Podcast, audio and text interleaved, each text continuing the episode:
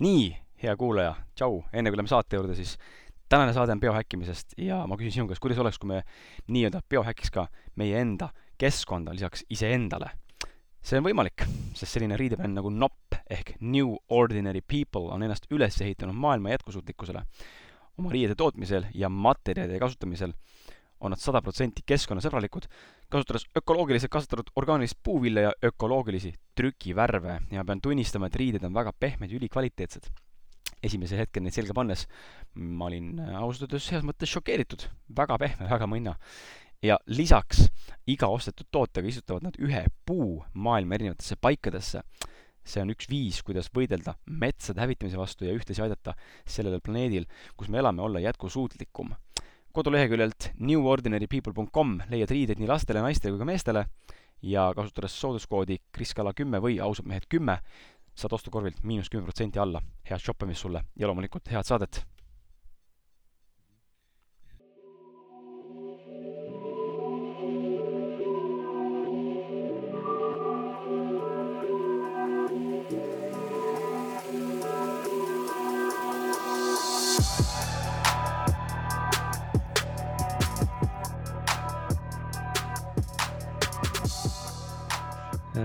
Tere tulemast ähm, podcast'i ausad mehed siis sellisesse biohackingu seeriasse, viie, viie episoodilise seeriasse, kus siis äh, biohäkker Siim Land räägib meile sellest, kuidas olla optimaalsem mina äh, läbi erineva viie, ütleme niisuguse valdkonna või, või nurga ja tutvustab sulle kui kuulajale siis biohäkkimise valdkonda üldiselt. ja täna meil tõepoolest käes kolmas episood. Korra vaatan, kas ma saan siit enda selle chati lahti ka. sul juba on Siim pilt ees ja? ja, seal mõned räägid juba. huvitav, mul siin tuleb mingisuguse lag'iga see millegipärast, aga okei okay,, nii. et, äh, et ja, et täna on kolmas episood, eelmised saated on pealkirjadega hashtag kaks, kaks, neli, äh, biohäkker Siim Land, optimaalsem mina, vol üks, treenitud keha meestel see teine episood oli siis kaks hashtag kaks, kaks, viis, biohäkker Siim Land, optimaalsem mina, äh, Vol kaks, treenitud keha naistel ja täna on siis kolmas, kus räägime siis sisuliselt intermittent fasting ust äh, enamasti ehk intervallpaastumisest või, või ajaga piiratud, äh, mis ta on siis söögiaknast või, või söögi. toitumine jah. jah, ja ketoosi seisundist räägime, räägime kaloritest, räägime ka kindlasti tervislikest kasuteguritest paastumise juures just siis inter, intervalli paastumise puhul. ja, ja lähme siit edasi kohe selle sama teemaga, et äh, võtame kohe nagu hoo sisse, sest et mul on küsimusi palju ja siin tuleb üsna mahukas saade, ma arvan, selle intermitent'i kohta, aga äh, räägi Siim korra alustuseks kuulajatele ka, et hmm, millal ja miks sinu ellu tuli siis intervalli paastumine ja, ja milline oli sinu ajaaken alguses, kui sa sellega alustasid ja kuidas sa jõudsid siis järk-järgult selleni, kus sa täna tegelikult sööd sisuliselt äh, one meal a day nii-öelda äh, lähenemisega mm? -hmm. no kõigepealt ma kuulsin sellest äh, umbes keskkooli lõpus põhimõtteliselt ja siis ma nagu tegelesin lihtsalt jõusaaliga ja uurisin nagu erinevaid siis toitumise strateegiaid. enne seda ma tegin ka niisugust mingi sõin iga mingi paari tunni tagant mingi neli-viis korda päevas ja sattusin ka siis selle intervallpaastamise juurde. ja siis esimene nagu idee või see põhjus, miks ma tegin, oli lihtsalt jah, nagu tahtsin proovida lihtsalt nagu ka, mis, kuidas see välja näeb ja mis, kuidas see toimib. ja jah, ma ei tea, sellest alates, sellest alates ma lihtsalt, mulle hakkas nagu rohkem meeldima see, et see mingi kuus korda päevas iga paari tunni tagant söömine, see ei olnud nagu eriti, ma ei tea, nauditav. võttis palju aega ja lihtsalt oli nagu tüütu ja siis intervall baastamine aitas nagu siis kuidagi rohkem nagu vabadust tuua. ja lihtsalt, ma ei tea, enesetunne oli ka parem ja energia, energia nagu siis päevane energia ka paranes äh,. oli lihtsam nagu siis dieeti pidada, ei olnud nagu eriti raske see ja ei olnud ka, ei olnud ka samas nagu niisugust, nagu niisugust noh, eelarvamust, et see on kuidagi, ma ei tea, tekitab kõhu, tühja kõhu tunnet või on kuidagi raske või niisugune asi, et see, see, selles, selles ma sain ka kohe nagu aru, et see tegelikult ei, ei ole nii, vähemalt mul ei olnud ja siis äh, sellest alates ma praktiseerisin seda läbi ülikooli ka. ja jah, ma ei tea, umbes, ma ei tea, viis aastat tagasi ma, e-, või see nagu esi, esimene variant, kuidas ma teda tegin, oli siis, et ma jätsin lihtsalt nagu esimese hommikusöögi vahele ja sõin umbes kaks korda päevas kaheksa tunnise akna sees. ja pärast seda ma ka nagu lihtsalt hakkasin rohkem eksperimenteerima tegin natuke pikemaid paaste ja siis mingi viis aastat tagasi sõin umbes jah, alates sellest alates olen umbes nagu ühe korra päevas söönud. ja jah, ei ole nagu, ei ole olnud nagu mingisuguseid äh, nii-öelda siis noh, ma ei tea äh,, halbu kogemusi või midagi sihukest ei ole olnud nagu siiamaani küll see on, äh, vot see, see omad one meal a day äh, lähenemine sellele asjale on, on üsnagi, tundub, et selle intermittent fasting'u nii-öelda, ma ei tea, võin, võin eksida, aga mulle tundub, et see on nagu mingil määral see lagi. et noh, kuskilt nagu edasi minna selles, selles nii-öelda siis Äh, päevase nii-öelda kaloraaži tarbimise jooksul või selle tükeldama, akna tükeldamises väga kuskil rohkem minna ei ole, et noh, kümne minuti peale sa ei lähe, onju, et. et selles mm -hmm. mõttes, et see on, see on huvitav viis ja ma ise tunnen, et ma tahan ka selles suunas rohkem liikuma hakata ja mind väga kõnetas äh, kõnetab tegelikult selle, selle dünaamika või selle, selle ütleme ühe, ühe päeva, üks kord päevas söömise juures just see, et see time, äh, time management nii-öelda natuke parem ja ma näen ise ka, et äh, mul sellest kokkamisest, Masterchefi või Gordon Ramsay mängimisest on nagu kõrini, et lihtsalt, lihtsalt ei viitsi enam, see on nii tüütu ja tahaks minna võimalikult lihtsate toitude peale, lihtsalt süüa seda, mis, äh, mis nagu tahaks, aga või tähendab, mida vaja on, aga mul on siin küsimus sulle, kas sa oled nagu uurinud seda ja ma arvan, et see on kuidagi seotud võib-olla meie mingi neurokeemiaga võib-olla või biokeemiaga või ma ei tea millega või kindlasti ka mingite sõltuvustega ma olen täheldanud ja võin eksida, aga ma tahan kuulata, mis sinu kogemus ka on, ma olen täheldanud, et äh, mina täna ikka veel otsin toidust seda kaifi, vaata, see on see sensation, see toidu, see mm, niisugused maitsed, ossalaks on ju, et siin on need vürtsid ja seal on need asjad ja. aga väga paljud inimesed, kaasa arvatud sina, eks ole. Ja veel, keda ma olen siin mõningaid jälginud, kellega olen sattunud rääkima teemadel Nad väga paljud nendest ütlevad, et nende jaoks toit on lihtsalt äh, kui kütus. ma söön selle sisse ilma, et mu silm pilguks on ja ma ei otsi seda naudingut, seda kaifi. ma võtan teda kui lihtsalt nii-öelda ellujäämise survival nagu mehhanismina, mida ma pean kahjuks või õnneks paratamatult täna siin tegema. kas, et mis sa arvad, kas see on, kas see on kuidagi kas me võiks inimestena äh, liikuda selles suunas, et me ei otsi toidust seda kaifi, siis mulle tundub see, see, et selle hea toidu või selle ülimaitsestatud toidu Äh, pidev tarbimine on nagu lõputu endless nagu journey, sa ei saa mitte kunagi nagu satisfied. sa tahad mm -hmm. alati saada seda, noh, seda laksu, et mm, kui hea kaif. et äh, aga sina, ma eeldan täna, ma sügavalt kahtlen, et sa nüüd hullult seal köögis kokkad, et sa pigem paned kokku asjad, mis sul vaja sisse süüa on ja nii see on, on ju, või ma eksin? No selles mõttes mulle ikkagi meeldib jah, toit, mis nagu maitseb hästi, et kui mulle ei maitse, siis ma nagu eriti ei söö seda ja et nagu selles mõttes ma jah, ikkagi arvan, et see on nagu hea asi, et kui toit maitseb hästi et.... Kur, gurmeetoitu ei tee selles mõttes, et hullult, hullult ei vaarita ja kokka? no mitte, vähemalt mitte iga päev, et, et jah, nagu re regulaarselt ma lihtsalt söön nagu neid äh, terviklikke toite nii-öelda oma, omal siis võimalikus naturaalses vormis ja noh, ikkagi mingi maitseainet paned juurde ja siukseid asju küll, aga jah, mul ei ole nagu siukest nagu väga suurt äh, siukest hedonistlikku äh, jah, mingit noh, mingi sõltuvustunnet või mingit täielikku soovi, et iga toit peab olema niisugune mingi täielik, mingi spetsiaalne, mingi niisugune jah el, elamus. et ma arvan, et noh, kindlasti on sellel hea koht. et seal on kindlasti nagu kasulikku või on, see pakub ikkagi rohkem elule seda vürtsi ja niisugust naudingut annab juurde, kui sa siis sööd ikkagi toite, mis on maitsevad hästi ja, ja mis on siis nagu niisugused noh, mingid elamused. aga ma arvan jah, vähemalt nagu sa ei ei, ei tohiks võtta siis nagu seda põhirõhku, kui sa just ei ole mingi kokk või kui sulle just nagu ei meeldi seda teha. et noh, see on igalühel enda asi, et äh, kui palju siis, kui palju rõhku nad sellele tahavad panna, kas sellest täielikult nagu lahti saada, ma arvan, et see ei ole nagu hea idee. Ähm, et noh, kindlasti see osa kultuurist ja see osa siis ka siis nagu sotsiaalsetest äh, keskkondadest, see toit, kokkamine ja söömine, et see ei ole nagu, see ei ole nagu siis niisugune puhtalt nagu ellujäämise asi ka, et see tegelikult on mingil määral äh, aitab siis seda enese, enese aktualiseerimisele ka kaasa mm. -hmm. et mhm. äh, jah, lihtsalt nagu see sõltub sellest, kui palju, millal ja nagu mis põhjustel ja mis, missugustes kontekstis. et ma arvan, et see probleem on pigem selles, et kui inimestel ongi see nagu siis see nii-öelda see sõltuvus või sihuke soov saada seda naudingut, äh, siis hakkab äh, tervist segama või siis tekitab mingeid terviseprobleeme või siis jah, muutub niisuguseks liiga suureks nagu segavaks faktoriks, et ma arvan, et siis on võib-olla jah mingi probleem et mida, kus tasub seda siis nagu sellele rohkem rõhku panna, aga üldiselt ma arvan, et ei ole nagu ei pea nagu siis sellest nagu täielikult loobuma. kui me räägime sellest äh, omad äh, One Meal a Day stiilist või ütleme suhtest siis äh, või lähenemisest, siis kas täna ma ei tea, saad sa nagu soovitada seda, et see võiks olla see, kuhu inimene nüüd ütleme intervallvaastumise teekonnal võiks nagu siis jõuda enne sellest kaheksatunnisest aknast või siis ma ei tea, kaheteisttunnisest aknast siis lõpuks selle kahetunnise või ühetunnise akna peale ja, ja, ja kuidas, kui on see soov päriselt olemas inimesel, siis kuidas selleni võiks nagu võimalikult äh, efektiivselt ja, ja selles mõttes endale mingilgi viisil kahju tegemata jõuda mm? -hmm. no ma arvan, et see ei ole kindlasti äh, kõigile, see ei ole kõigile sobilik see ei ole ka vajalik, nagu see ei ole siis nagu parem kui mingi teine toitumisviis. Äh, see ei ole teistest jah, nagu siis äh, teatud eesmärkidel on see parem, teatud teistel eesmärkidel ei ole parem. et see sõltub väga palju inimesest ja tema enda soovist, et kui te ei taha seda teha, siis nagu ei ole mõtet ka. et äh, mina teen seda lihtsalt ise sellepärast, et noh, mulle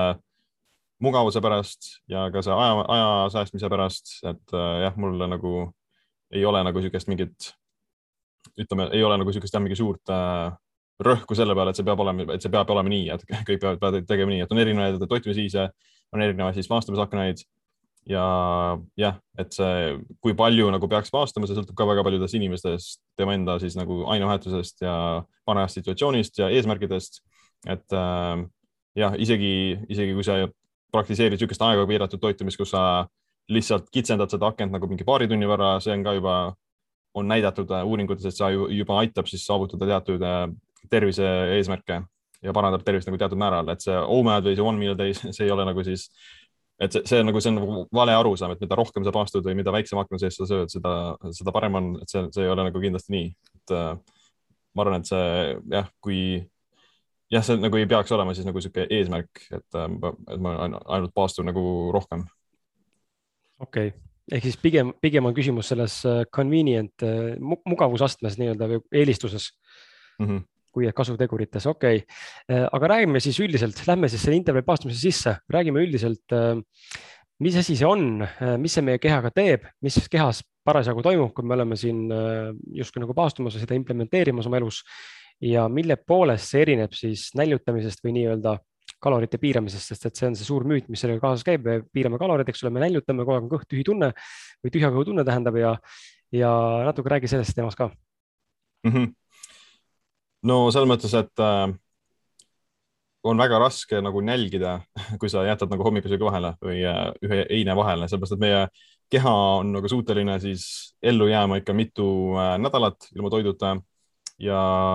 jah, paastamise seisundis su keha tegelikult ei ole nagu täielikus näljaseisundis, et see definitsiooni kohaselt on näljas, näljuseisund see, kui su kehal ei ole siis juurdepääsu eluks vajalikele toitainetele ja mikrotoitainetele ja makrotoitainetele, et see, see juhtub alles jah, siis, kui sa oled juba mitu nädalat äh, paastunud. Või isegi näiteks, kui sa sööd niisuguse väga halvaga, halva kvaliteediga dieeti, kus sa sööd nagu väga vähe. et näiteks noh, ütleme, ütleme näiteks on niisugused noh, halb näide, aga ütleme, et noh, mingi Aafrikas või kuskil äh, nad söövad nagu väga vähe toitu, mingi iga päev nagu siis mingi ainult mingi niisugustes väikestes kogustes toitu, nad ei paastu, aga nad ikkagi mingil määral näljuseisundis, sellepärast et nad ei, nende keha ei saa neid äh, toitaineid kätte piisavas koguses ja see keha siis hakkab aja jooksul siis äh, närbuma. Ja see on nagu rohkem tegelikult näljaseisund kui see võrreldes sellega, kui sa näiteks oled üldiselt, oled hea toitumisega, sööd, sööd nagu piisavalt endale vajalikke toitaineid, aga sa näiteks, ma ei tea,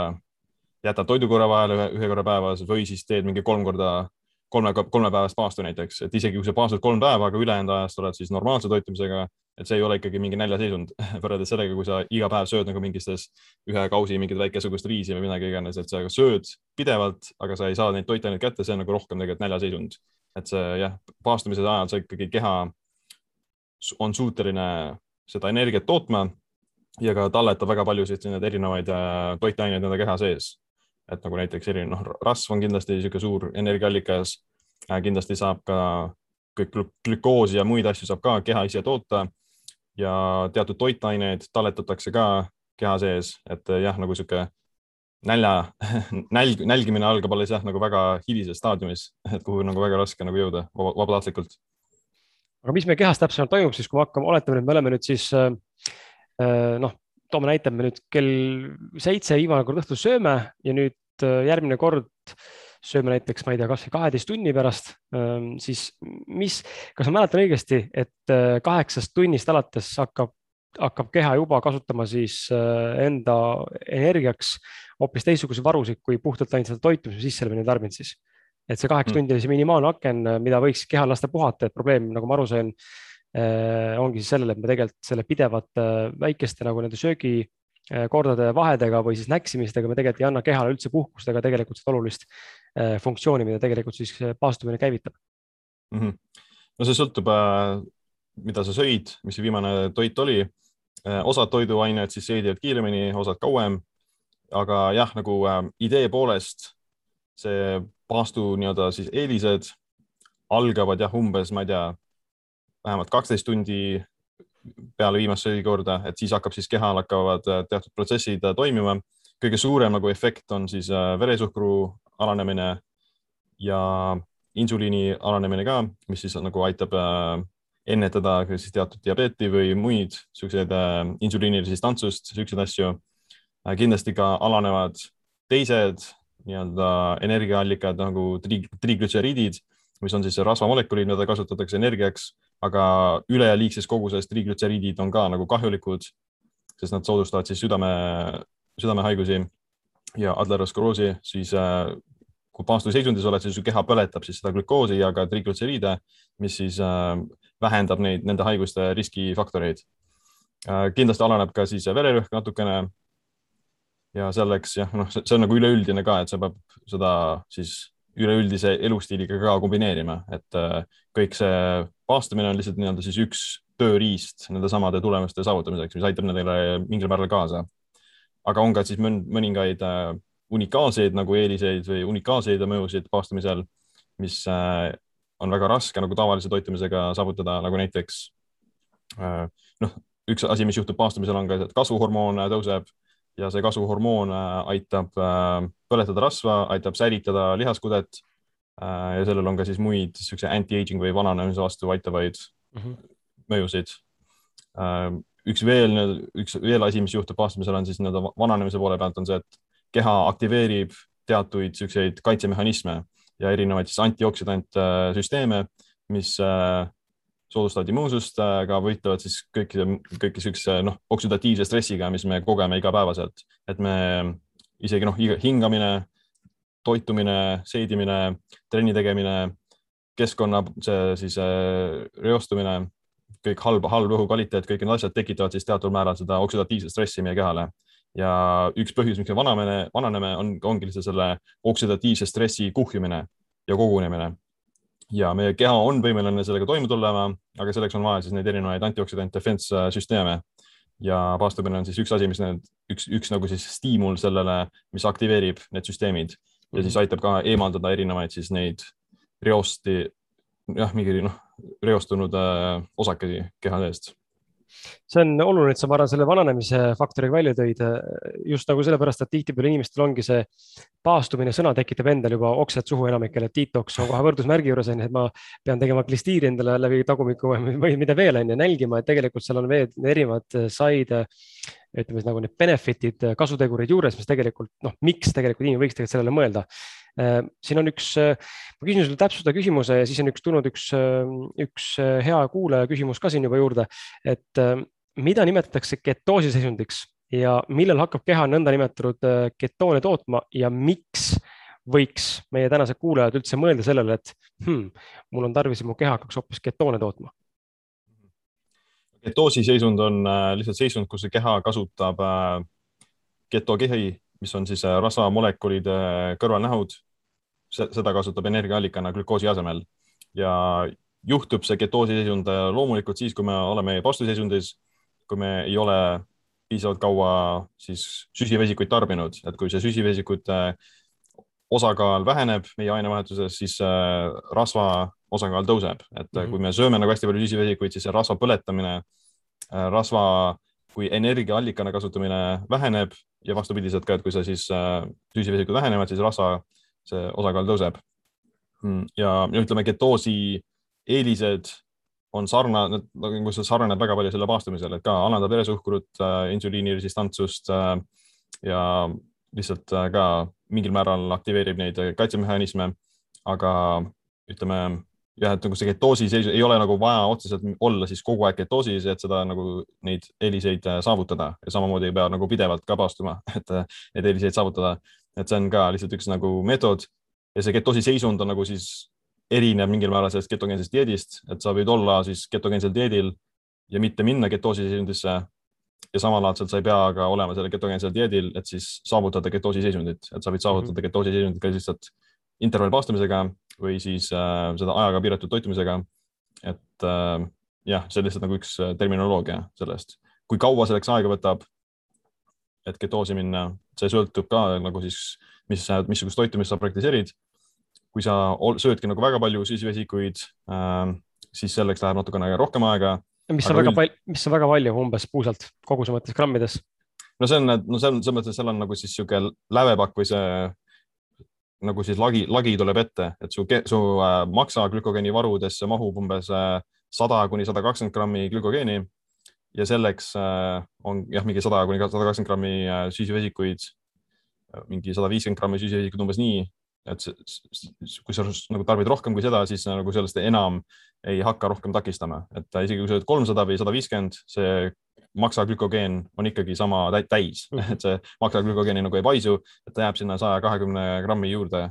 ja selleks, et siis minna ketoosi, on seda sada kakskümmend grammi vaja ära põletada. ja kui sa midagi, mitte midagi ei tee, äh, lihtsalt seisad, siis äh, selleks läheb aega umbes mingi kuusteist tundi, kakskümmend neli tundi maksimum. kui sa teed mingit äh, treeningut, füüsilist treeningut, siis see, siis see kiireneb, et see füüsiline treening siis kulutab seda maksaglükogeeni varusid ja seda võib, on võimalik siis, siis isegi, ma ei tea, kaheksa tunni sees saavutada, kui sa teed sügist, niisugust aeroobset treeningut, mis põletab siis enamasti äh, glükogeeni. kas on oluline, et see treening nüüd siis ketoosi seisundisse kiiremini jõudmiseks on nüüd siis paastumise ajal või paastumisest, äh, paastumise aknast väljapool ehk siis söömise aknas või pole vahet? ikkagi mm, -hmm. ikkagi paastumise, paastumise sees, ma eeldan, on ju? jah, et või vähemalt sa, sa, kui sa ei söö süsivesikuid selle paastu sees, siis äh, on, võid ka nagu siis äh, toitudes ka teha seda trenni, et, äh, et see, kui sa süsivesikuid ise ei söö või siis sööd nagu väga vähe mingeid siukseid kiudainelisi juurikaid, siis sa sealt nüüd kogus seda süsivesikute kogus on ka väga madal ja siis see omakorda ei tõsta seda glükogeeni varusid, ei, ei taasta seda ka nii palju. et sa võid teha näiteks hommikul sööd, aga sööd madala süsivesikuga toitu siis äh, nagu sa ei täida seda maksaglükogeeni varusid äh, nii täis. ja kui sa pärast teed trenni, siis sa ikkagi tühjendad selle ära, et äh, mm. see on see, nagu siis süsivesikud sisse ja kui palju sa seda süsivesikut kulutad, nagu see siis määrab ära selle sa vastasid küsimusele juba ka, ma tahtsin küsida ka, kas on siis võimalik getotoitumisega aidata seda protsessi pikendada või nagu hoida kogu aeg lähepakku nagu üleval, aga, aga sa ütlesid ka juba, et tegelikult see päris nii ei ole, et võib vabalt olla getodieedil ilma, et sa peaks siis, siis neid ketoone tootma hakkama. Keijo siin mainis, äh, mul on kahekordne ketoosi minemise kogemus, ei olnud paastus, viisin süsivesikud täiesti nulli ja sõin enamasti rohelisi asju, oskad seda kommenteerida, Siim? jah, see on nagu jah, võimalik, et äh, ei pea paastuma, sa võid süüa siis äh, vähe süsivesikuid ja lõpuks see keha siis ise põletab selle maksaglükooni, glükogeeni varud läbi ja siis läheb ketoosi, jah, et see on võimalik okei okay., Katrin Karus küsib meilt küsimuse, võtame vahele selle, kas äh, läheb siis tagasi korraks, hüppame tagasi sinu omad äh, toidustiili juurde, et kas ühe toidu korraga päevas tarbid kaks tuhat viissada kalorit kas tekib ah,, kuidas reageerib magu sellisel juhul, kas tekib valu või ebamugavustunne mao ületäitumisest mm? -hmm. Uh, või mul, vähemalt mul isiklikult ei ole küll mingeid probleeme. et uh, ma tarbin jah, päevas mingi, osadel päevadel ma tarbin võib-olla tuhat kaheksasada kalorit, kui ma mingit trenni ei tee. Ja kui ma teen mingit trenni, siis võib-olla jah, mingi kaks tuhat viissada maksimum. Uh,. aga jah, mul ei ole nagu mingeid uh,, ei ole olnud mingeid siukseid probleeme sellega. Võib-olla mul seedimine on lihtsalt nagu väga hea. Ja ma arvan, et ma ei tarbi ka siukseid nagu halvasti seedivaid asju nagu suures koguses, ma ei tarbi, no ma, ma tarbin nagu, mu toitumine on põhimõtteliselt äh, siis äh, noh, tavaliselt ma söön mingit äh, liha, kana, muna, kala või, ja siis koos mingisuguse köögiviljaga, mingi salatiga või siukseid asju. ja jah, see vähemalt nagu nad on väga kergesti seeditavad toidud, et äh, nad ei tekita siukseid mingeid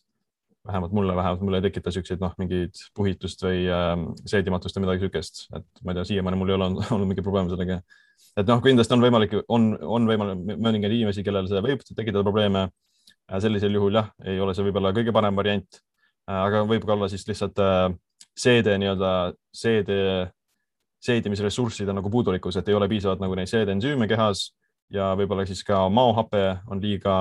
kõrge, nii-öelda ei ole nagu piisavalt happeline, et kui sul on nagu maahape töötab korralikult äh, ja keha toodab piisavalt ensüüme, siis nagu peaks ikkagi mingil määral need äh, või noh, peaks saavutama selle seedimisega hästi hakkama, et nagu ütleme nagu loomulik, loomulikult või evolutsiooniliselt vaadates, siis nagu inimesed ikkagi ka sõid suurtes kogustes ja mitte nagu väga tihti, et nad ei praktiseeri nagu teatud määral seda intervallpaastumist, aga nad ikkagi sõid kui nad sõid, siis nad sõid nagu suures koguses ja siis nad ei söönud jälle nagu pikemat aega, et nagu see nagu mingil määral see evolutsiooniliselt on see meie kehasse nagu sisse talletunud sihuke, sihuke toitumisviis, et see on tegelikult väga loomulik, lihtsalt nagu modernses keskkonnas, modernses ühiskonnas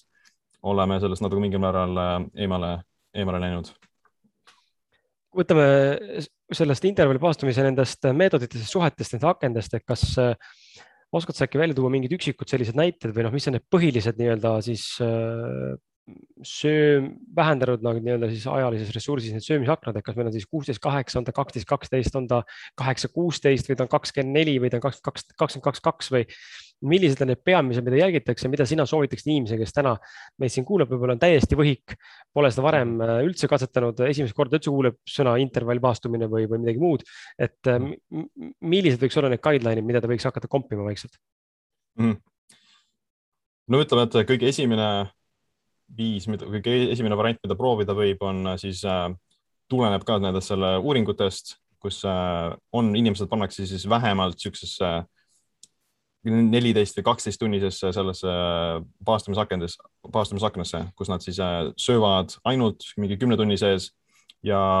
on, on nagu leitud, et kui võrrelda siis tavalise toitumisega, kus nad söövadki näiteks mingi neljateist kuni viieteist tunni vältel ja siis seda ajakava piiratud toitumist, siis ajaga piiratud toitumine parandab nende siis äh, biomarkereid ja nende tervisenäitajaid isegi siis, kui sa, isegi siis, kui nad tarbivad neid samu kaloreid, samas, samases koguses kaloreid, siis lihtsalt selle ajaga piiratud akna sees, tänu sellele see keha siis kogeb rohkem äh, suuremat efekti selle vererõhu ja vere, insuliini ja veresuhkru alanemises, mis siis on nagu tervisele kasulikum. ja ma arvan, et see on ka niisugune asi, mida peaks iga nagu inimene mingil määral praktiseerima. et, äh, et saavutada siis üks, et lihtsalt on nagu, see on niisugune asi mis on nagu tervisele kasulikum võrreldes sellega, kui sa ütleme, et keskmine ameeriklane sööb umbes mingi viieteist kuni kuueteist tunni vältel, mis tähendab seda, et siis hommikul nad ärkavad üles, hakkavad kohe sööma. ja siis viimane asi, mis nad söövad, ongi mingi enne magama minekut ja see nagu kindlasti nagu äh, aitab neil rohkem kaloreid tarbida, mis on kahjulik ja samas ka siis ajab erinevad need ööpäevarütmid paigast ära ja ennetab selle paastuseisundit, et ja, ja siis selle vastandiks olekski siis tark vähemalt mitte kaheteist tunni jooksul süüa, et sihuke kaksteist, kaksteist on niisugune asi, mida ma arvan, et iga inimene peaks nagu mingil määral praktiseerima, lihtsalt üleüldise tervise säilitamiseks, et, et kohe enne ärka, kohe peale ülesärkamist ei tohiks midagi süüa ja kohe enne magaminekut ei tohiks ka midagi süüa, et nagu vähemalt nagu mingi, ma ei tea, tund või kaks oleks niisugune miinimum, mida oodata mõlemast otsast. ja siis see juba annab sulle niisuguse kaheteisttunnise paastu vähemalt kätte juba mm. -hmm. Mm lisa, kui rääkida re reaalselt nagu siis niisugusest äh, intervallpaastumisest, siis äh, esimene meetod, mida, mida mina kasutasin, oligi see, et ma paastusin kuusteist tundi ja sõin kaheksa tunni sees, mis äh, praktikas näeb seal välja nii, et ma jätsin hommikusöögi vahele, sõin kuskil üksteist, kaksteist ja viimane söögikord oli seitse või kaheksa kuskil seal vahemikus. ja jah, see on niisugune kõige populaarsem, kõige levinum meetod, mida paljud inimesed kasutavad mujal maailmas ka ja ma arvan, et see on ka niisugune optimaalne, et seal, see annab sulle päris palju juba kätte, et ei ole vaja nagu sellest nagu rohkem push ida. ja ma arvan, et see on ka niisugune väga jätkusuutlik või äh, jah, sustainable, et seda saab nagu teha väga kaua, ilma et see nagu mingeid probleeme tekitaks mm. -hmm. ja see, ja see ei ole ka nagu mingil määral nagu stressirohke, et äh, võib-olla alguses on niisugune, tekib mingisugune näljatunne või äh, ebamugavustunne. aga noh, uuringud on vähemalt näidanud, et see, et see näljatunne ei ole nagu siis äh, see ei ole nagu siis permanent või nagu see aja jooksul nagu kaob ära või keha harjub ära sellega. ja see näljatunne, näljatundel on ka nagu oma see ööpäevarütm, et äh, me, me kogeme nälga teatud kellaaegadel iga päev, sellepärast et meie keha nii-öelda sisemine kell on sellega ära harjunud, et just sellel ajahetkel me siis tekitame enda peal näljatunde, sellepärast et me oleme harjunud sellel kellaajal sööma, et äh, kas siis kell kaheksa või kell kaksteist või kuskil kell neli, mis iganes, et iga inimene kogeb neid nälja, nälja, näljatunnet erinevatel aegadel ja see tuleneb siis ka nende harjumustest ja need harjumused on nagu ikkagi plastilised, et neid saab muuta ja ajapikku jah, see näljatunne ka siis orienteerub vastavalt sellele, kui sa nagu hakkad uuesti sööma mm. -hmm. et see kuusteist, kaheksa, kuusteist, kaheksa on nagu siis niisugune jah, optimaalne kui on äh, alguses raskem, siis võib-olla lihtsalt paastada neliteist tundi ja süüa kümne tunni sees. aga jah, ütleme see miinimum äh, kaksteist, kaksteist on niisugune asi, mis nagu peaks siis igalühel olema ja me ütleme, see OMAD või see one meal a day, et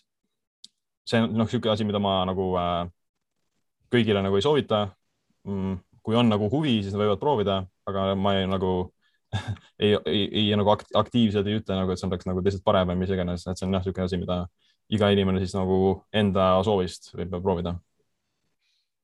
Okei okay,, ähm, siin tuli üks küsimus ka kõigepealt, mul selle kohta tegelikult on küsimus tulemas ka, nii et me sinna kohe jõuame ka, aga äh, sa rääkisid tühja kõhu tundest. mina, ma arvan, et kõik inimesed teavad, mis tunne see on, kui kõht on tühi, siis seestpoolt kisub, eks ole, ja, ja võib-olla koriseb ka, mul üldiselt ei korise, aga tekib sihuke noh, sihuke nagu kokku tõmbav sihuke, sihuke ebameeldiv tunne vahepeal, aga ma olen tähele pannud, et see läheb kas ise üle või siis tõesti vett juues teinekord, puhast mm -hmm. vett juues, ta aitab nagu seda kuidagi seda näljatunnet siis või täis tühja kõhu tunnet siis nii-öelda alla, alla suruda on, kõlab nagu ebameeldivalt, aga võib-olla äh, leevendada. et äh, tulemegi selle juurde, et äh, mida siis tegelikult äh,, nagu Keiu küsis ka, mida siis tegelikult üldse tohib intervjuupaastumise ajal tarbida äh, toitu, nagu ma aru saan, tegelikult siis äh, inimestele saame öelda, et ei tohi äh, aga jutt on olnud ka eelnevalt sellest, et kui ta on kalorivaba või väga väikese äh, kalorisisaldusega, näiteks äh, ma ei tea siis, kas siis kohvi, must tee või lihtsalt tee või, või kalorivabad joogid. Ähm, mida siis tegelikult tohib tarbida, mis seda nii-öelda meid sellest, sellest paastuseisundist välja ei too ja mis toovad mm? -hmm nojah, see sõltub ka tegelikult sellest eesmärgist, et mis, mis sinu eesmärk on selle paastuga. kui äh, eesmärk on nagu siis niisugune see mingi soodustada nende kaitsemehhanismide ja nende erinevate siis longevity mehhanismide aktiveerimist, siis on jah ähm, vajalik vältida kõike, millel oleks nagu siis märkimisvääral hulgal kaloreid, nagu näiteks jah, mingi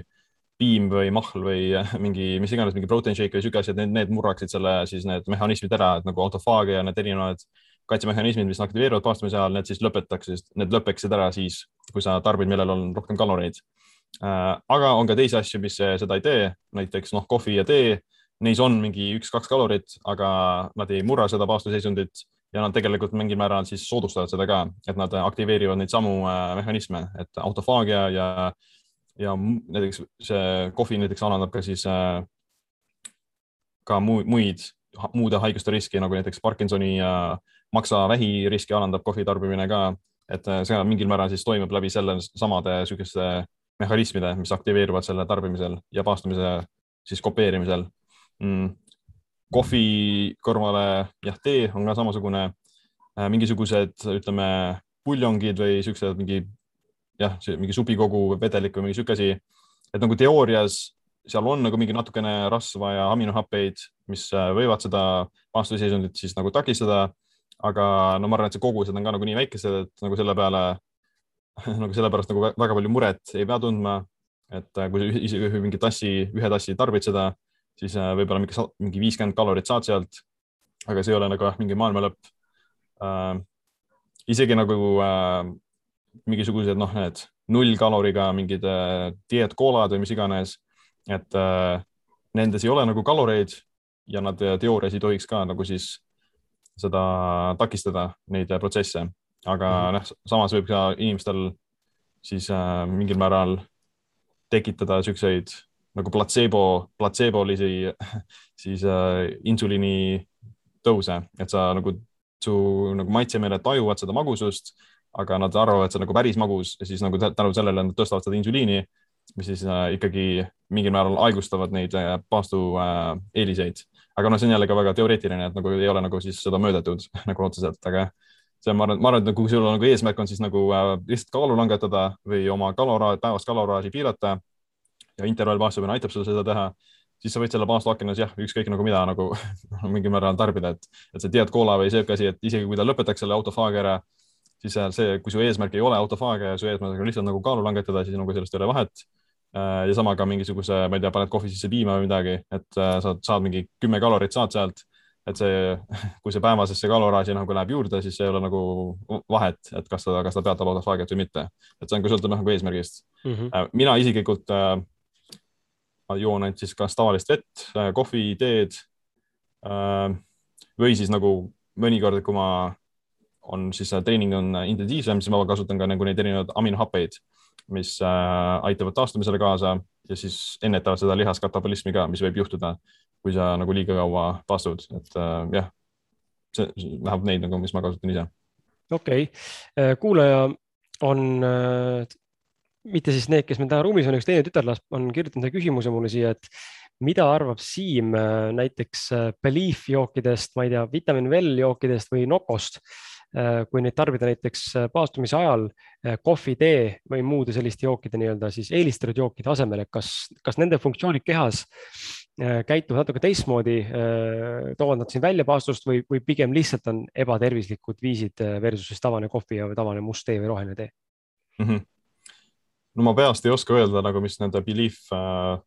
makrod on, aga ma arvan, noh, ma, ma, kui ma õigesti mäletan, siis seal on ikkagi nagu mingi suhkrud ja süsivesik on sees et äh, see ei ole nagu nullkaloriga jook. Äh, no ma arvan, et äh, jah, kui sa mingi eesmärk on lihtsalt nagu siis kaalu langetamine, siis see mingi, ma ei tea, sada kalorit sellest ühest pudelist nagu ei ole nagu väga hull asi. kui rääkida nagu jah, mingi autofaagiast või siuksest asjast, siis võib-olla ei ole jah, kõige kasulikum seda paastuakna sees tarbida mm kui võrrelda, võrrelda seda siis kohviga, siis ma arvan, et kohvi on nagu mingil määral tervislikum isegi, isegi siis, kui seal Beliefis on nagu mingid äh, vitamiinid ja mineraalid, et noh, selles mõttes, et kui sa tarbid nagu õiget toitumist, kui sul on nagu hea, siis äh, hea, häid toite sööd äh, ja siis äh,, ja siis ka õiged nagu siis äh, regulaarselt seda teed, siis äh, sa, sa ju nagu ei ole nagu nendest enamus toitainetest nagu puudulik, et äh, kui sa isegi paastad mingi kakskümmend neli tundi, et seal sa ei saa, sa ei, sa ei saa, su keha ei saa nendest mineraalidest otsa, et su on võimalik ikkagi nagu väga kaua selle siis äh, mitte millegi to toitumisega ellu jääda, isegi selle nagu siis mikrotoitainete vaatepunktist, et äh, su kehal on ikkagi need, suuteline neid hoidma siis äh, päris kaua. et peaasi, et sa sööd nagu siis päris toitlustada ka mm. -hmm. et ja nagu vitamiini, vitamiini V-d, et noh, jah, nagu vitamiine ja mineraale nagu siis äh, imanduvad, nad imanduvad paremini natukene, kui nad on siis vedeliku kujul aga jah, et äh, lõppkokkuvõttes sa saad sellest toidust, saad selle toidust ka ikkagi kätte, et nagu ei ole vaja seda siis äh,, sul ei ole nagu vaja siis nagu olla siis nagu selle kanüüliga kogu aeg selle vitamiini ühenduses, et su iga, iga siis päevahetk oleks kaetud nagu nende vitamiinidega. see eeldab muidugi seda ka, et inimene teab äh, enam-vähem, noh, eelmises episoodis rääkisime sellest, et sa õpid mingi hetk või vähemalt sina õppisid mingi hetk ära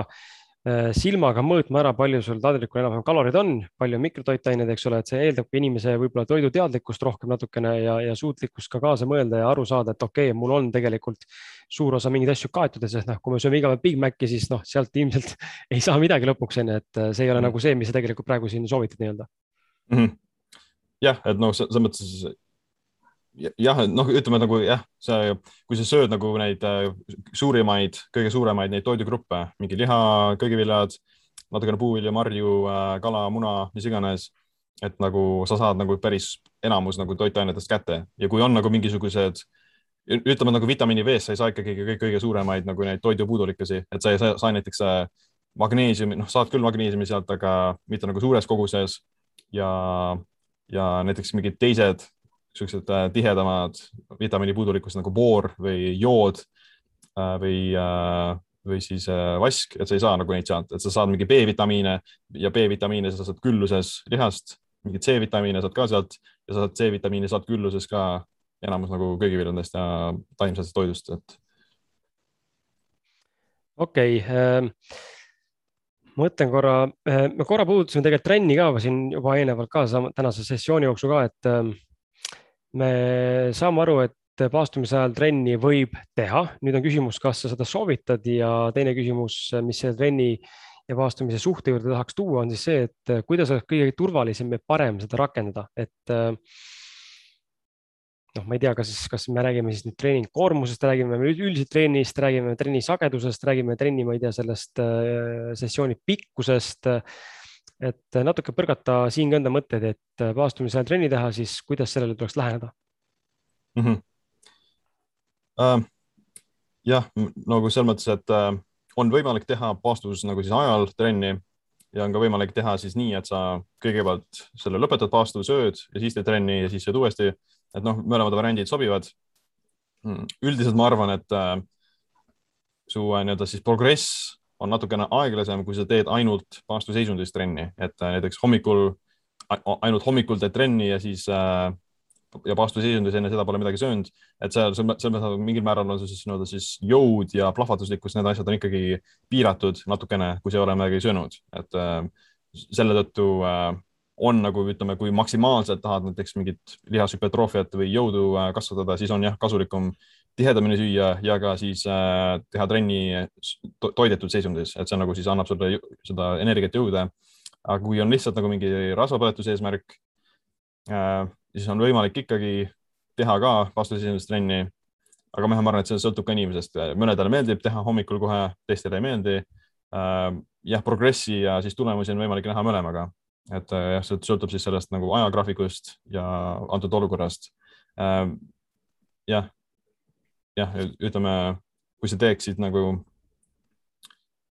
teeksid siis peale paastu lõpetamist trenni,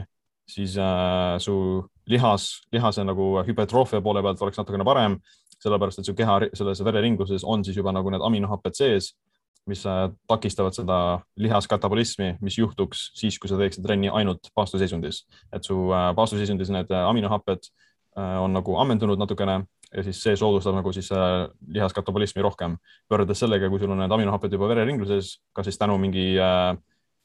tänu siis toitumisele või näiteks mingid tarbid ka neid aminohappeid, siis katabolism nagu väheneb ka selle tulemusena. Äh, sinu isiklik kogemus, sina teed trenni äh, paastudes äh, või, või paastu järgses staadiumis mm? -hmm. no mina, mina, mina teen äh, kuskil jah, pärastlõunal ma pole ikkagi nagu söönud, aga ma siis tarbin trenni ajal siis neid aminohappeid ja valgu siis seda valgupulbrit ka mis äh, jah, idee ongi selles, et ma annan oma kehale selle aminohapete ja valgu koguse, mis siis äh, aitab selle valgusünteesile kaasa ja siis äh, ennetab seda katabolismi. et ma olen teinud, noh, mõnikord ütleme jah, mõnikord, kui ei ole nagu siis soovi seda valgu shake'i kasutada, siis ma olen ka teinud puhtas paastusesisundist trenni, aga jah, tihtipeale see eesmärk siis ei ole nagu siis mingi hüpertroofia või jõud, siis on eesmärk lihtsalt mingi kardio või äh,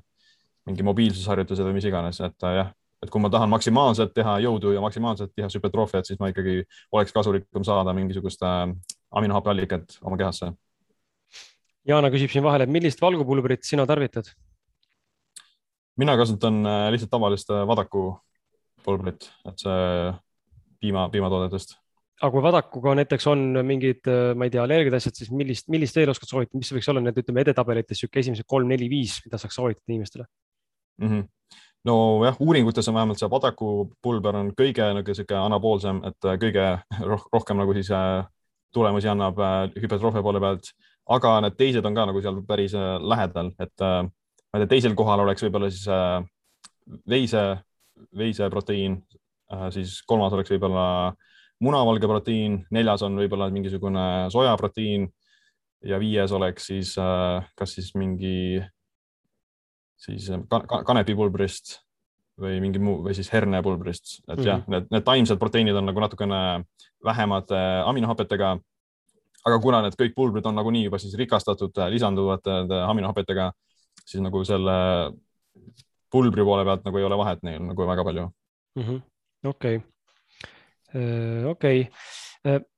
kui me hakkame, kui me räägime nagu ütleme siis paastust välja tulemisest, siis äh, millised toiduained oleks parimad enda paastu lõpetamiseks? Või seal pole üldse vahet. Ja ma toon nagu näite, mida ma mõtlen, et kas ma siis eh, söön sisse pärast paastu kohe nüüd äh, suure Big Mac eine või ma söön päriselt siis nagu kvaliteetset mingit maheliha või mingit, ma ei tea, tervislikku läbimõeldud, ma ei tea, vegan toitu või mingit keto, no vahet pole, mis dieetis jälgid. et sa sööd ikkagi nagu kvaliteetset toitu või ma mm. söön ükskõik, mis ette juhtub mulle, ma saaks lihtsalt nagu mingi kalorilaksu kätte uh,. nojah, kui ma arvan, et idee poolest on jah, nagu targem uh, tar tarbida midagi, mis on siis kergelt seeditav ja mis ei tekita siis mingisuguseid halbu reaktsioone et kui on, on nagu mingi allergiad mingisuguste toitude suhtes, siis nende allergiate siis äh, reaktsioon nendele allergiatele oleks natukene võimendatud peale paastu, sellepärast et su keha on nagu siis nagu tundlikum nende suhtes natukene. et jah, kui sul on mingisugune munaallergia või gluteeniallergia, et siis nagu kindlasti neid vältida rohkem peale paastu ja üldiselt nagu mingid lihtsasti seeditavamad toidud on äh, kasulikud, nagu äh, vähemalt mina tavaliselt teen nii, et ma alustan oma siis seda paastu murdmist nagu mingi tavalise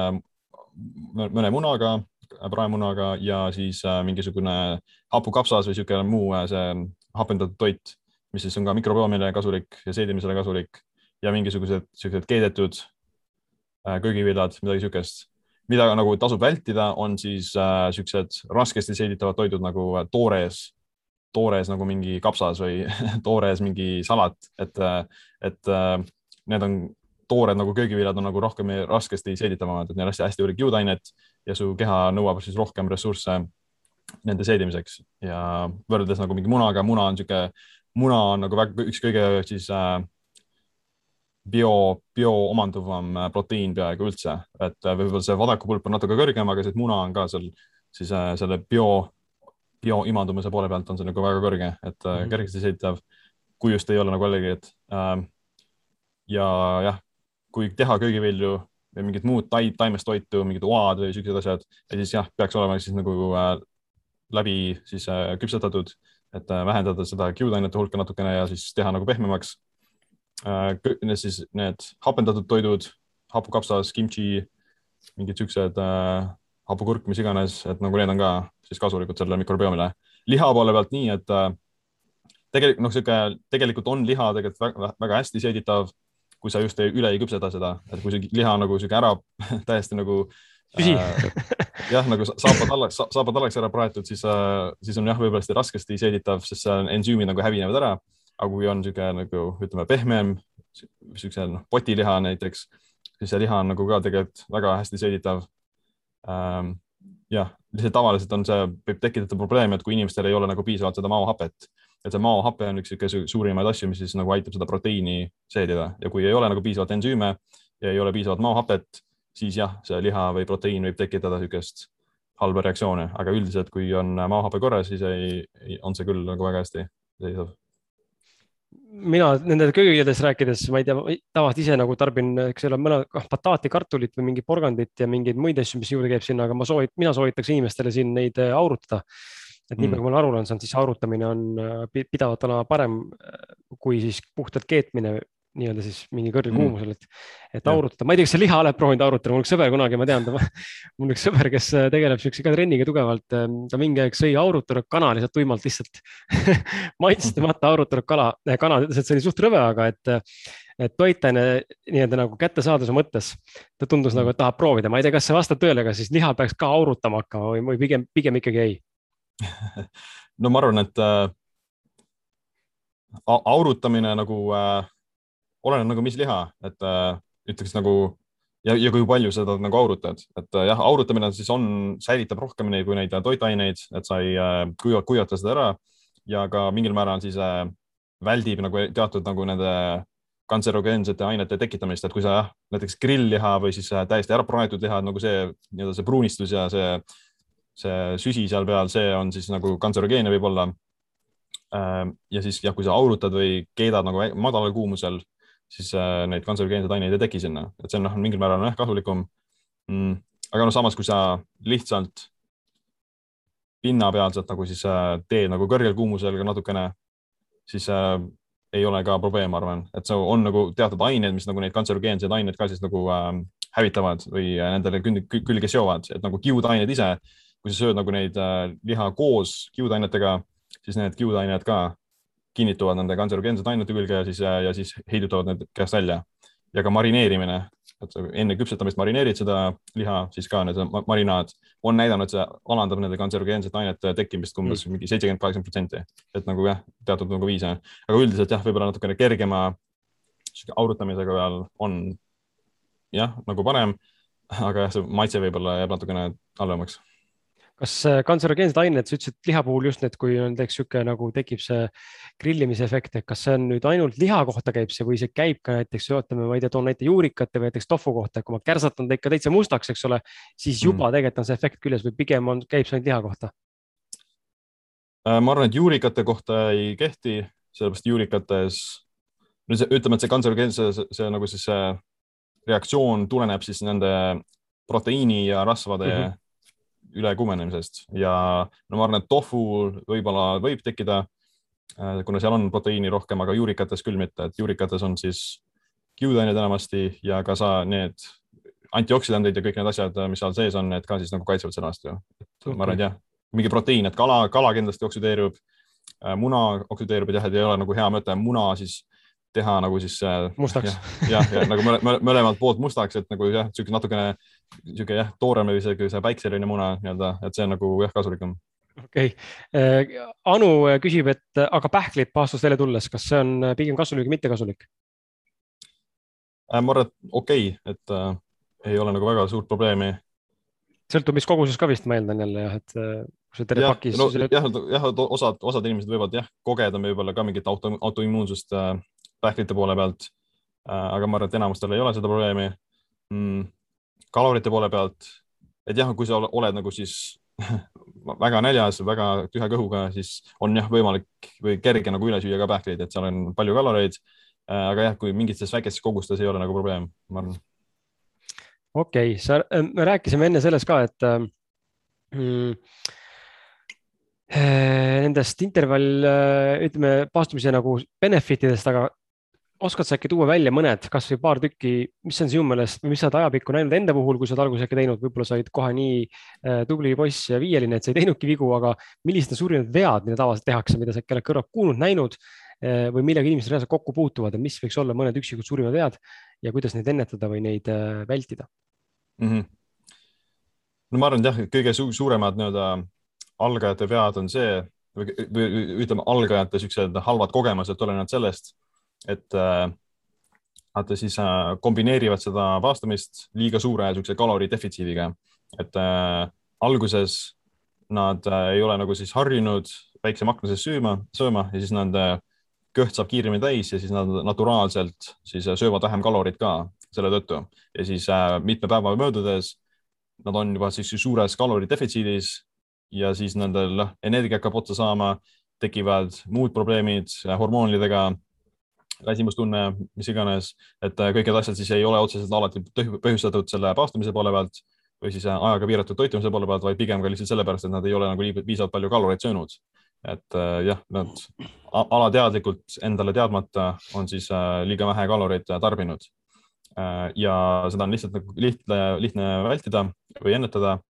tuleb lihtsalt jah, süüa natukene rohkem ja võib-olla jah,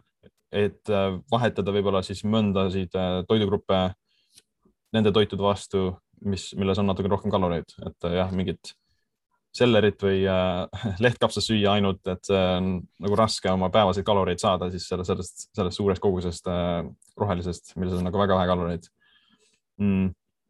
teine, teine probleem on ka see, et nagu pii, mitte piisavalt proteiini tarbimine, et äh, sama põhjus põhimõtteliselt, et äh, ei ole harjunud siis äh, sööma nii väikse akna sees ja siis alateadlikult sööd vähem proteiini ja siis selle tänu sellele võib hakata kogema ka neid samu probleeme, aga just nimelt siis lihasmassi kadumist. ja kui sa tarbid nagu päevases, oma päevase proteiinivajaduse kas siis ühes heines või kuues heines, et see ei ole vahet, et mõlemad toimivad ja mõlemad aitavad säilitada sama palju lihast. kui sa, peaasi, et sa saad nagu siis oma selle päevase proteiinikoguse kätte ja jah, et kui sa ei, ei ole harjunud siis äh, väiksema akna sees sööma, siis jah, proteiini kogus võib ka nagu selle tõttu väheneda. ja ma arvan, et see kõige tähtsam nagu siis niisugune makrotoitaine, millele rõhku pööratagi, ongi tegelikult proteiin, just nimelt siis, kui sa teed niisugust intervallpaastumist, et see proteiin aitab äh, sul lihasmassi kasvatada, aitab ka kaalu langetada, aga aitab ka siis seda lihasmassi säilitada, et äh, jah, muidugi on muud, muudel asjadel, et luustikule on kasulikum ja teatud hormoonidele kasulikum. Mm ja jah, et nagu paljud inimesed ei tarbi nagu piisavalt proteiini ja siis, kui nad hakkavad paastumist tegema, siis kogus väheneb veelgi okei okay., sa, tuleme korra natuke tagasi selle juurde, me rääkisime sellest, et äh, sina jätad hommikusöögi vahele. ma ise olen ka enda kogemusest märganud, et hommikusöögi vahele jätmine on kuidagi nagu loomupärasem ja kuidagi juba noorena ei olnud seda isu, kuigi vanemad sundisid, eks ole, siis äh, nüüd vanemana keegi enam ei sunni saan ise otsustada, aga kui sa peaks, kui peaks inimene valima või kui sa peaksid Siim soovitama Äh, milli-, milline toidukord võiks olla see, mida võiks vahele jätta, kui me nüüd tuleme selle soovituse juurde, et püüame kaks korda päevas süüa näiteks kaheksa tunni jooksul, mis tundub hetkel mulle keskmisele inimesele vägagi tehtav ja lihtne tegelikult, siis äh, milline toidukord võiks ära jääda, kas me räägime hommikusöögist, räägime lõunast, räägime õhtusöögist või räägime vahepealsest näksimisest või millestki kombost, mida sa soovitad mm? -hmm. Mm, nojah, enamus inimesi võib-olla eelistavad hommikusöögi vahelejätmist või selle siis nagu ette lük-, e-, edasilükkamist. Äh, uuringud näitavad, et ei ole vahet eriti, äh, kumba sa vahele jätad, peaasi, et sa siis, peaasi, et nagu kalorite hulk on sama ja peaasi, et see baasooken on ka sama, et äh, ongi võetud siis inimesed, et osad, esimene grupp sööb hommikusööki ja lõunat ja teine grupp sööb lõunat ja õhtusööki ja, aga nad mõlemad jätavad siis ühe heine vahele ja saavad, tarbivad sama palju kaloreid ja lõpptulemusena on, nende tulemused on samad, et nad tegelikult vahetuvad isegi kohad ka ära pärast, et see esimene grupp, kes tegi mm -hmm. alguses, läheb siis teise poole peale, et ja siis jah, tulemused on nagu samad, siis on tulemused nende veresuhkru ja insuliini ja nende, nende asjus. et jah, ma arvan, et ei ole vahet, kumba sa vahele jätad, peaasi, et siis sa ei tarbi üle, üle, üleliia kaloreid ja siis mingil määral praktiseerid seda. kõige nagu ütleme kõige parem asi, mida oleks jah, vältida oleks siis võib-olla mingi snäkkide või siis äh, niisuguse jah, mingi väikeste ainete vahelejätmine. et isegi siis, kui sa ei tee seda intervallpaastumist otseselt, et sa võid nagu ka nii teha, et sa sööd hommikusööki, jätad lõunasöögi vahele ja siis äh, sööd õhtusööki, et see on ka mingil määral siis intervallpaastumine, aga teist, teistsugune natukene, et äh, jah, kui sa nagu mingil määral snäkke ära jätad, siis on ka nagu päris hea võit. siis ta hommikusöögi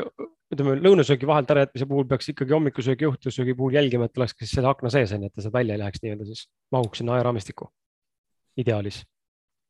jah, noh, jah Te. teoorias, noh, tegelikult pole vahet, mis, kuidas nimetad toidukorda, vahet ei ole, peaasi, et sööd siis selle aja sees. jah, ja jah, kui sa, kui hommikusöögi ja õhtusöögi vahel on näiteks kaksteist tundi või kümme tundi või kaheksa tundi, et jah,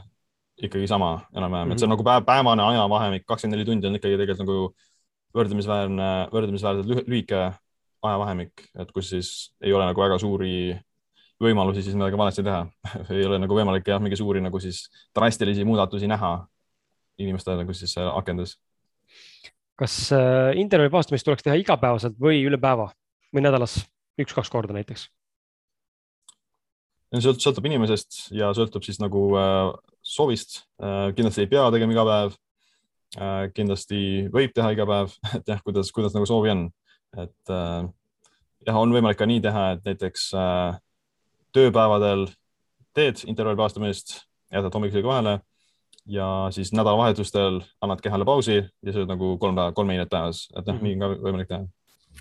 okei okay., mul on kaks viimast küsimust sulle, kui teil head kuulajad, vaatajad, keda siin praegu on äh, seitse alles, see ei ole hullu, ma kusjuures siin vaatasin eelmiseid episoode on äh, kuulatud päris palju, et esimest videot vaatas äh, tuhat nelisada inimest vist juba, pluss äh, podcast'i kuulamised ka, nii et ikkagi rahvas kuulab järgi lihtsalt järelikult laivi ei jõua tulla, aga pole hullu ähm, siis kui need küsimused tekivad, siis kirjutage palun kindlasti siia, siin on teie võimalus otse küsida. rohkem seda võimalust ei tule täna, aga ma ühendan niimoodi, et äh, ma küsin su käest sellise küsimuse, et kas lapsed võiks ka intervallipaastumisest äh, praktiseerida ja, ja mis vanusest see soovitatav on ja kas lastel on kuidagi teistmoodi see äh, soovitatav lähenemisviis mm? -hmm. No ma arvan, et lapsed ei pea seda tegema vähemalt mitte nooremad kui mingi kaheksateist või nii, kuusteist, nooremad kui need ei, ei pea tegema kindlasti. mina tegin esimest korda, kui ma olin kaheksateist, ma arvan, või mingi seitseteist, kaheksateist seal kuskil vahepeal mm,. Ei, ei ole midagi valesti läinud sellest ajast, et äh, ma arvan, et jah, see jah, ei ole nagu võib-olla puber, puberteedi eas ei ole võib-olla nagu soovituslik midagi teha niisugust või vähemalt nagu pikemaid paaste. kui jätta nagu mingid veinid vahele, snäkid vahele, see on ka tegelikult ikkagi mingil määral kasulik, et ei, ei ole vaja nagu siis kuus korda päevas süüa. ja kui sa sööd kolm heinet päevas juba lapsena ka, et see on nagu kindlasti juba väga efektiivne ja kui on, nagu ma arvan, et nagu eesmärk laste puhul, nagu lapsed on nagu mingil määral rohkem oma siis nende näljatunnetega rohkem nagu siis mingil määral äh, kontaktis või äh, intuitiivsemad, et mm -hmm. nad, nad saavad aru, et kas, kui neil on nagu päriselt kõht tühi, siis nad ütlevad sulle seda ja siis nagu ikkagi anda. aga jah, kui neil on niisugune emotsionaalne nälg või nagu psühholoogiline näljatunne, et nad lihtsalt tahavad nagu mingit magusat või midagi nagu, et siis see ei ole nagu tegelik põhjus, et siis sa pead ütlema, et okei okay,, kui sul on näljatunne, siis sa nagu söö mingi päris, päris toitu. Aga siis, kui nad ei taha seda, siis nad ei ole nagu reaalselt näljas, et siis mm -hmm. tahavad nagu midagi magusat ja seda ma olen oma lapse puhul märganud, ta on küll kolmene alles, aga tal on ka see, see on, see on huvitav fenomen, ise mäletan ka väiksena seda, et äh, tahad, sa küsid süüa, aga kui pakud, siis on nagu iga asja peale ei, järelikult sul ei ole kõht tühi mm.. et see on, see on huvitav koht, kus tasakaalu koht leida. aga vanurite puhul näiteks just nagu mingi ülem, vanuse ülempiir, kas sealt on mingisugune piir, kus ei tohiks enam või ei ole nagu soovituslik teha teatud mis iganes põhjustel mm? -hmm see sõltub inimestest, äh, et äh, sina probleem... teed, sina teed ka saja-aastaselt. Nojah, no selles mõttes, et üks, üks nagu üks suurimaid põhjuseid nagu miks seda paastumist mitte teha vanematel inimestel on see, et äh, nende lihasmass hakkab nagu närbuma hilisemas eas ja paastumine siis nagu äh, aeglustab selle lihasmassi taastumist või nagu ei, vähemalt ei aita sellele kaasa, et see lihasmassi säilitamine vanurina on ka tegelikult väga vajalik ja väga kasulik, et äh, ennetab palju haiguseid ja ennetab ka siis äh, erinevaid nagu osteoporoosi ja lihtsalt, lihtsalt luumurde et eh, jah, kui see baastamine hakkab siis nagu lihasmassi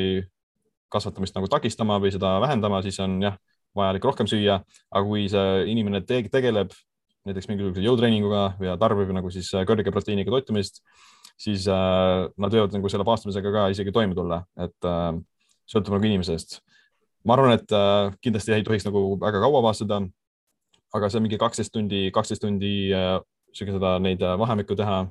et see on ka ikkagi neile sobilik. mingi vanuse poole pealt ma arvan, et see siis nagu see lihasmassi kadumine muutub nagu suureks probleemiks umbes peale, peale viiekümnendaid, viiekümnendat aastat. Ähm, aga seda on ka siis isegi siis võimalik nagu siis ennetada, kui sa tarbid nagu suuremas, suuremates kogustes proteiini, et tegelikult vanematel inimestel oleks soovituslik seda proteiini äh, suurendada vähemalt võrreldes nagu nooremate inimestega, et noorematel inimestel on võimalik selle madala proteiiniga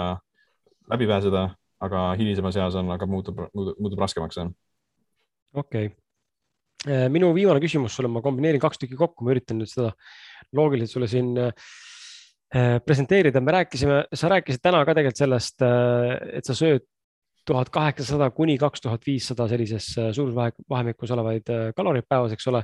enda, enda kehakaalu ja enda treeningkoormuse juures. nüüd, mille juurde ma tahan jõuda, on see, et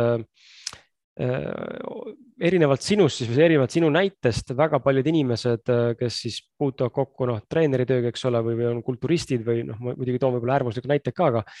et pigem ikkagi inimesed söövad nagu rohkem äh, ja meestele just nagu ma räägin meestest, meestele tavaliselt soovitatakse ikkagi sinna noh, ligikaudu kolm tuhat ka peaaegu ja kohati niimoodi lähevad ka, et kas äh,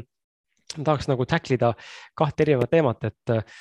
ähm, kas kalorid on tähtsamad või on tähtsam toitaine rikkus ja, ja teistpidi ka küsimus, et kuidas muuta enda keha eh,